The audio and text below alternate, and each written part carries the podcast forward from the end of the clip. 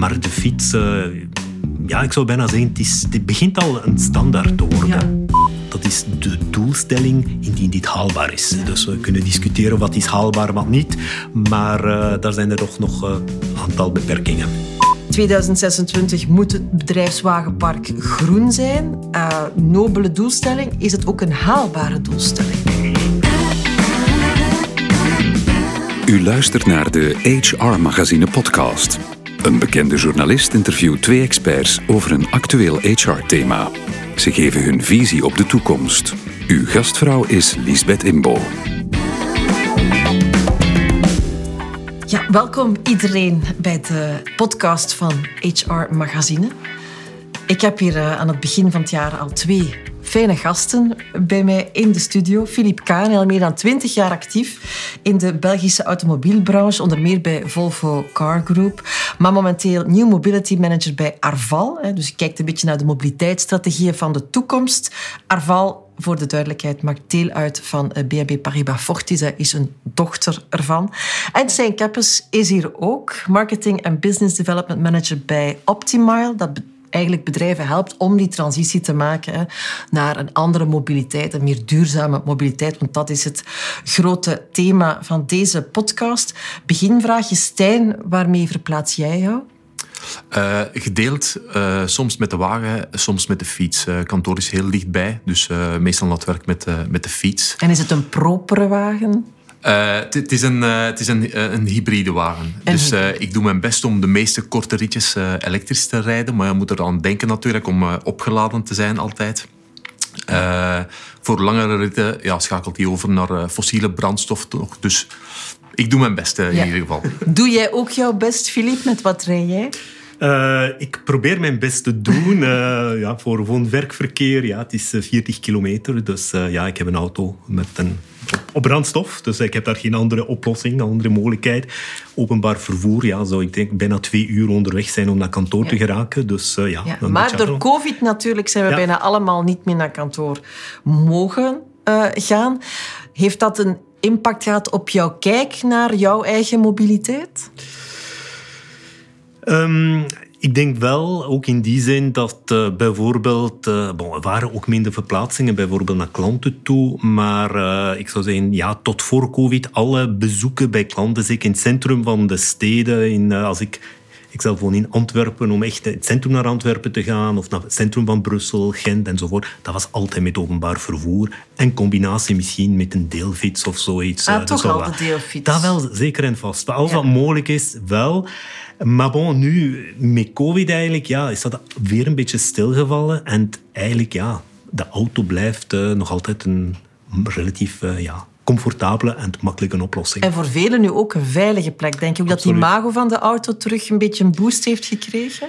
Uh, ik denk op korte, middentermijn zeker. Op lange termijn denk ik niet. Ik denk, uh, ik denk dat iedereen toch weer in zijn een gewone ja, patroon gaat terugvallen qua wat, wat, zijn mobiliteit betreft. Ja. En uh, uh, ook weer naar alternatieven gaat ja. kijken. Ik denk, zodat, zolang, als er weer grote files zijn, dan komt automatisch weer... Ach, waarom zit ik in die file? Wat zijn andere uh, interessante uh, mogelijkheden?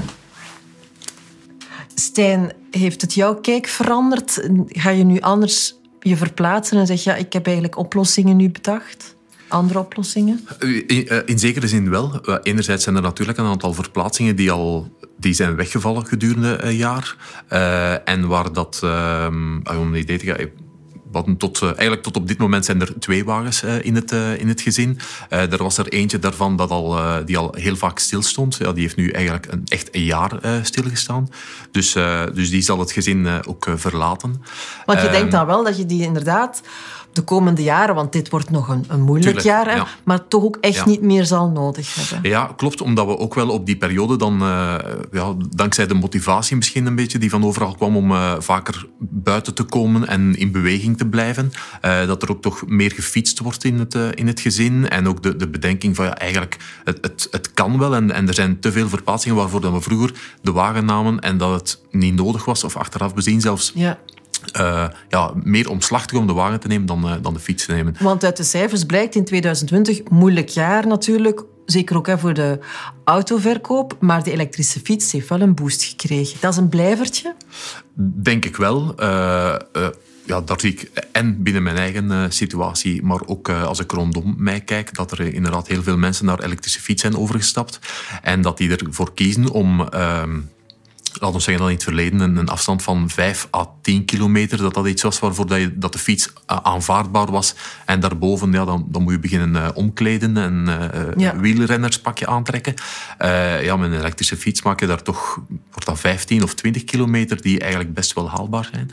Ja. dus, dus ik denk, ik zie dat mensen wel die een aankoop hebben gedaan. En ik denk dat dat er nu gedurende een jaar ook wel in de gewoonte is ingesleten. En dat ook een, een blijver is, omdat u... Ja, het maakt je gewoon ook goed gezind om, om buiten te komen. Geloof je dat ook, Filip, dat naast de wagen en ook dus de bedrijfswagen, mm de elektrische fiets ook in heel dat bedrijfsmobiliteitsplan echt zijn plek heeft veroverd? Helemaal, uh, helemaal eens daarmee. En uh, ik denk dat is een van de ja, ik zou zeggen, zeker vorig jaar en ook nu en dit jaar, dat, dat is de grote trend. Dus uh, we hebben een, een, we zien dat met heel veel klanten.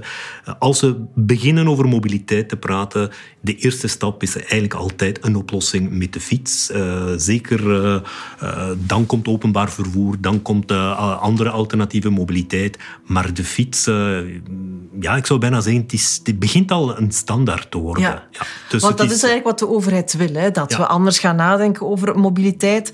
Ze hebben al een aantal dingen geprobeerd. Cash for Cars, dat is afgevoerd. Dat was geen geweldig succes. Maar nu hebben we een kleine twee jaar het mobiliteitsbudget. Dat ook eh, al die pakketten wil mogelijk maken.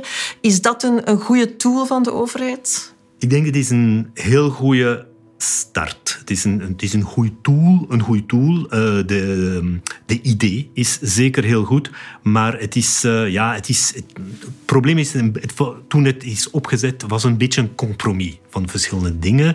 Dus uh, eigenlijk ja, met een, als iemand nog altijd een auto wil nemen, met toch een, een grote beperking. Hè. Dus vanaf nu dit jaar alleen nog elektrische wagens met minder dan vijf, of hybride wagens met minder dan 95 gram CO2 ja, dat is niet voor iedereen, ook qua budgetten. Dus, het is uh, makkelijker als je CEO bent om daarin mee te doen. Daar is er geen enkel probleem. Daar heb je heel goede alternatieven. Hè. Dus uh, als iemand uh, een, een, Tesla wil nemen in plaats van zijn, van zijn Audi, BMW of wat dan ook, geen enkel probleem vandaag. Maar als je iets lager gaat, hè, dus uh, de, de junior die zijn eerste auto krijgt, ja, daar uh, zit je nog altijd, uh, zijn de kosten en zeker ook het aanbod van de wagens nog altijd een beetje onvoldoende. En merk je dan wel dat de junior wel nog altijd voor die wagen kiest? Want binnen dat mobiliteitspakket kan hij ook andere dingen kiezen. Absoluut. Dus dat is eigenlijk ook, en dat is dan echt de sterke punt van die mobiliteitsbudget. En dan gaan we naar die tweede pijlen toe. Die tweede pijlen waar je echt ja, heel alles kan doen. Eigenlijk alles wat meer dan twee wielen heeft, zou ik zeggen, is, is toegankelijk. Nog andere dingen, zoals u kan uw huur betalen uh, of uw lening afbetalen indien je rond, uh, in, een straal van vijf kilometer van uw, van uw werk woont. Dus dat is allemaal mogelijk. En ja, er is, er is groeiende interesse daarvoor. Dus we zien dus, uh, toch Ga, als ik zeg, vorig jaar, begin van het jaar, had ik er misschien één klant per week die daar een vraag over had. Dat was niet veel. Dat was niet veel, nee, nee. Maar nu, en van het jaar, uh, vorig jaar, uh, dat was het toch... Uh, ik denk dat elke dag dat ik ja. toch wel iets te doen had uh, waar ik uitleg moest verschaffen, ideeën geven in ja. die richting. Dus er is een groeiende vraag, maar het komt... het is stilletjes aan. Het is stilletjes aan. Merk jij inderdaad dat toch mensen meer en meer die switch aan het maken zijn, al dan niet gestimuleerd door overheidsprikkels? Uh, ik, eh, ja, absoluut. Ik denk dat dat, dat, dat zeker klopt. Um, en ik denk, ik denk, dat er verschillende, maten, of verschillende zaken in die, uh, in die beslissing meespelen. een stukje daarvan zal inderdaad de stimuli vanuit de overheid zijn. Want op het einde van de maand, bij wijze van spreken, is, is het financiële toch ook iets wat dan nog altijd meespeelt. anderzijds denk ik dat er ook wel een stukje een nieuwe generatie is die enerzijds anders tegen bezit aankijkt dan, uh, dan, dan, dan de voorbije uh, Vele van hen jaar. halen ook op ja. veel latere leeftijd het rijbewijs. En zo ja, bij ons was voilà. dat 18, was rijbewijs. Ja, ja, ja voilà, was, was inderdaad uh, rijbewijstijd. het, het, de analogie met, met, muziek, met muziekcollectie kan ik mijzelf ook nog herinneren dat ik een jaar of vijf, zes geleden dacht van tja, waarom ga ik maandelijks voor een abonnement betalen en ik heb geen cd op het einde van de, van de maand. Ja, ja nu staat op mijn, op mijn zolder staat er een doos met 500 cd's die nooit meer gespeeld worden. Uh, dus ik denk dat dat een stukje mee, uh, mee uh, komt. En dan toch ook dat, er, ja, dat onze, onze kinderen, ehm, deels van, vanuit onderwijs dat zij krijgen, deels ook omdat ze rond zich heen kijken in de wereld, toch ook veel bewuster bezig zijn ja. met wat is de impact van wat ik doe op, op, op, ja. op de wereld rondom mij. Uh, maar die mentaliteitswijziging, daar zet de overheid, zoals gezegd, volop op in. 2026 moet het bedrijfswagenpark groen zijn. Uh, nobele doelstelling. Is het ook een haalbare doelstelling? Uh, er, is nog een beetje werk aan de winkel. Ik denk dat vandaag dat dan een gigantisch, uh, een gigantisch moeilijke opdracht kan lijken. anderzijds, als we kijken naar vijf jaar geleden, waar stond bijvoorbeeld om, om elektrische mobiliteit eruit te gaan, gaan halen, was vijf jaar geleden echt pionierswerk. En vandaag kan je eigenlijk vrij vlot met een elektrische wagen. Er zijn nog een aantal uitzonderingen, zoals op vakantie rijden. Dat ga je niet in, eh, in één eh, lange rit gaan doen, dus je gaat een beetje aanpassen. Maar eigenlijk voor, laten we zeggen, 95% van de verplaatsingen kan je, kan je dat goed doen. Uh, ook rekening houden natuurlijk met waar dat je woont, waar dat je werkt ja. en is die oplaadcapaciteit uh, Want dat is inderdaad een van de grote uitdagingen. Filip, ja. uh, veel mensen zeggen, ja, ik wil wel, maar ik woon in, het, in de stad, ik heb een appartement, ja hoe moet ik dat gaan invullen? Dus ik denk dat dat, uh, en dat is misschien ook een aanvulling daarop. Dus ja, ik, ik denk, het gaat zeker de goede richting opgaan. Gaat uh, de volledige wagenpark groen zijn of elektrisch zijn, hybride zijn, in, uh, of elektrisch zijn tegen 2026? Ja, dat hangt af wat, wat gaat, gaat moeten. Het, gaat, het, hangt af ook wat gaat het aanbod zijn op de markt qua wagen. Dus ik denk in het hoger segment geen enkel probleem vandaag. Het lager segment vandaag nog, toch zeggen, uh, nog altijd een redelijk groot probleem. Hoe gaat dat in, in vijf jaar uitzien? Dat, dat is moeilijk te voorspellen. Het gaat denk ik wel de goede kant op gaan. Maar op iedereen daarmee kan elektrisch rijden, weet ik ook niet. Tweede, Vandaag is de, ik zou zeggen, de infrastructuur voldoende, min of meer voldoende in België voor de penetratie, het aantal wagens die er zijn. Maar ga ervan uit dat uh, uh, binnen, binnen zes jaar uh, hon, meerdere honderdduizend wagens bijkomen. Ja, er gaan wel laadpalen bijkomen in heel België. Dus, dat, ik dat hoorde ook, ook dat in Brussel dat, het door de voltage, ja. dat je er eigenlijk al 24 uur over doet om een, om een Neem nu een Tesla op te laden. Ook dat kan je, dat moet een stad dan eerst voorzien voor ze zoiets kan opleggen. Dus dat, dat is dan de ene, is, dat is het tweede punt. Dat is, de eerste punt is voor mij het aanbod hè, dus van, de, van de constructeurs. En het tweede punt uiteraard is de infrastructuur die er ook moet volgen. En als we dat bijvoorbeeld vergelijken met Nederland, ja, dat staan we toch nog uh, redelijk ver in België. Maar bon, vijf jaar is, is ook lang, dat kan er wel iets gebeuren.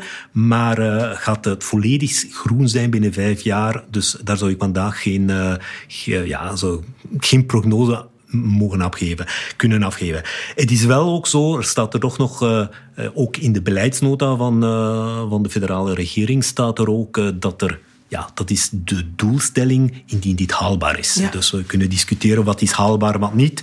Maar daar zijn er toch nog een ja. aantal beperkingen. Ja.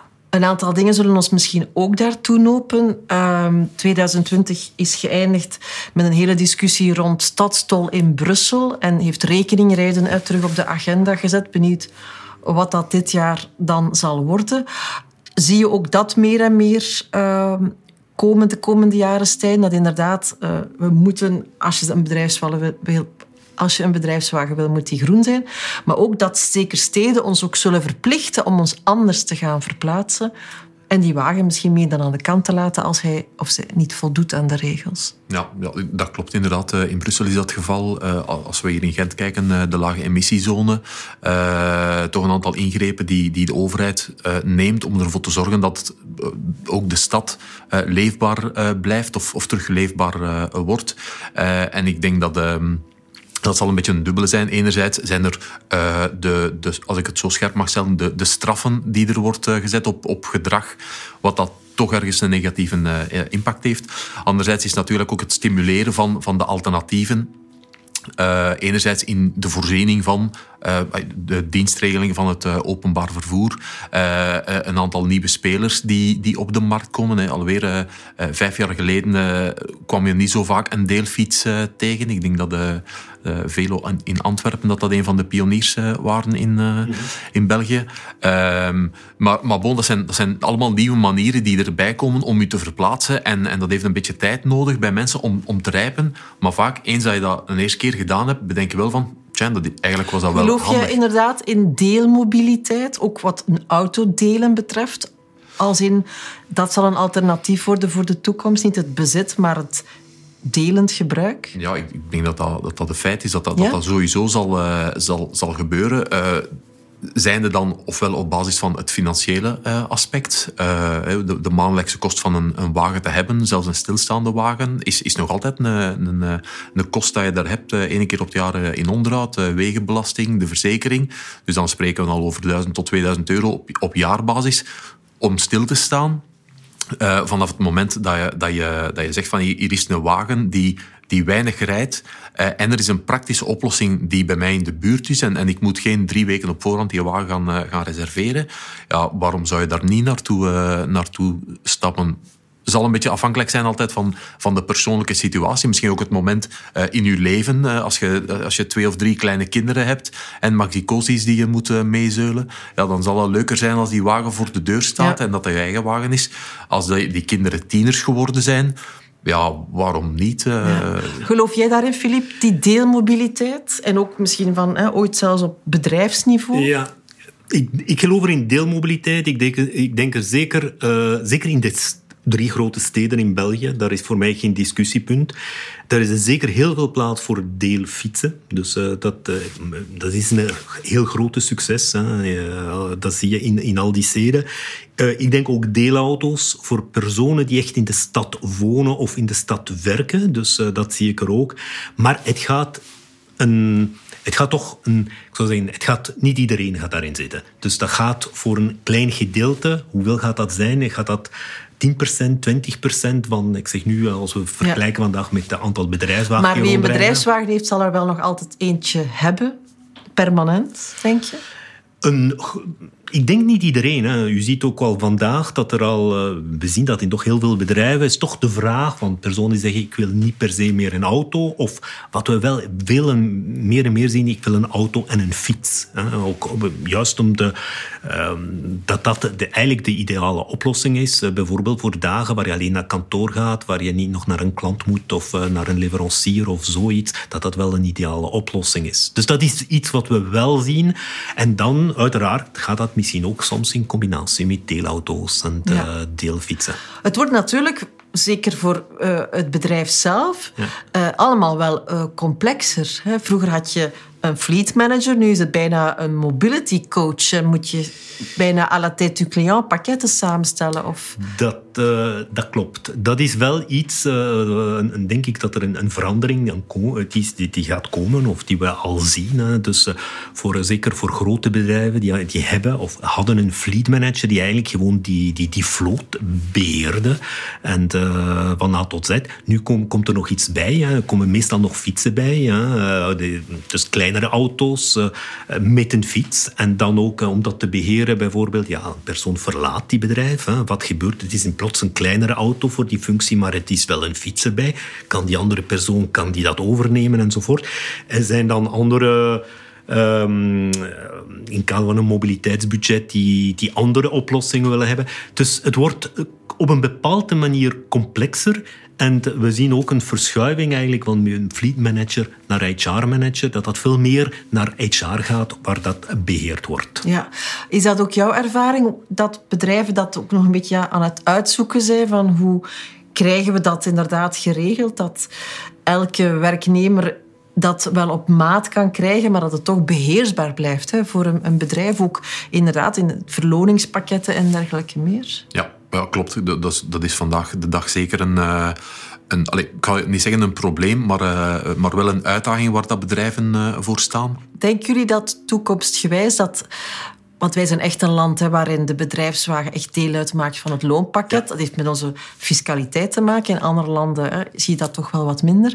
Zal dat hier zo blijven, denk je, Filip, dat de bedrijfswagen een deel uitmaakt van het loonpakket van vele mensen? Het is de situatie vandaag en ik denk het gaat moeilijk zijn iets te kunnen veranderen, maar we zien toch wel dat het die richting op gaat. Ik bedoel, zoals ik al zei, je ziet veel meer combinaties. Dus uh, de auto blijft centraal. En ik denk dat heeft ook te doen met de manier hoe wij hier in België leven. Dat heeft ook met onze lintverbouwing te doen, waar je niet eigenlijk, ja, als je niet in een stad woont, je hebt een auto nodig.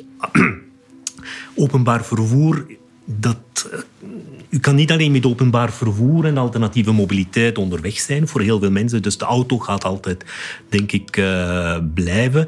Maar hij gaat minder plaats innemen en er gaat meer plaats zijn voor andere oplossingen. Zal hij dan ook minder waarde krijgen in dat loonpakket? Want als ik hem maar één keer per week gebruik, is hij mij misschien minder waard. Dus ik denk, de, de, als, we, als we zien indien we vandaag naar een oplossing gaan van een mobiliteitsbudget, hè, van de, we komen van een leasebudget, een carbudget, hè, gaan, die, dat gaat gewoon overgedragen worden naar een mobiliteitsbudget, waar eigenlijk ook de werknemer de mogelijkheid krijgt dat zelf in te vullen. Een kleinere wagen met een abonnement van openbaar vervoer of eh, met een abonnement voor deelmobiliteit, wat dan ook. Dan gaat eigenlijk ook de werknemer kunnen zelf beslissen welke waarde hij naar een auto geeft. En we zien dat ook eigenlijk op andere vlakken. Vandaag is een auto nog altijd een belangrijk symbool. Ah, eindelijk, ik heb promotie, een promotie krijg, ik krijg, een grotere, ik krijg een grotere wagen of ik krijg mijn eerste wagen. Als ik naar een mobiliteitsbudget overstap, kan ik nog altijd zeggen... kleine wagen, dat is perfect voor mij, ik heb niet meer nodig. Maar ik heb wel ah, nood aan bijvoorbeeld een... Of nood, echt zin een mooie fiets te hebben. Of een combinatie dat ik ja, in de weekends toch wel af en toe iets anders kan nemen om uh, naar zee te gaan of naar de Ardennen te gaan, wat dan ook. Of een vakantiewagen. Dus eigenlijk het is niet meer alleen de wagen, maar het is eigenlijk het volledige pakket. Is het denkbaar dat een bedrijf, en dus ook een HR-manager, eh, beslist, uh, Stijn, van wij zijn een groen bedrijf, wij zijn voluit voor duurzaamheid. Wij gaan als beleid uitstippelen dat iedereen die binnen de 20 kilometer van het bedrijf woont of in de buurt van een, een, station geen bedrijfswagen meer kan krijgen, maar wel een elektrische fiets, een abonnement. Is dat denkbaar dat bedrijven zo sturend zouden worden? Eh, ik denk dat dat vandaag al, al gebeurt. Uh, dat er bedrijven zijn die die beslissing hebben uh, genomen. Een aantal kleine bedrijven die daarmee echt een heel expliciete standpunt willen innemen. En slaat dat aan? Dus als morgen alle bedrijven het gaan doen, dan zullen er denk ik wel een aantal uh, ontevreden mensen uh, uh, rondlopen. Maar dat is vandaag nog niet het geval. En binnen drie of binnen vijf jaar is dat ja. misschien al een heel andere wereld. Maar ik kan me inderdaad wel inbeelden, Philippe, wat Stijn ook zegt. Het is wellicht voor een kleiner bedrijf een jonge start-up wordt makkelijker om dat soort grote lijnen uit te tekenen dan als je baas bent van een grote bank. Dat klopt. Maar ook daar, of eigenlijk dan weer heel bij heel grote bedrijven, die hebben toch ook wel vandaag een CSR-approach. Eh, die toch uh, zwaarder en zwaarder doorweegt. Ook duidelijke CO2-objectieven bijvoorbeeld.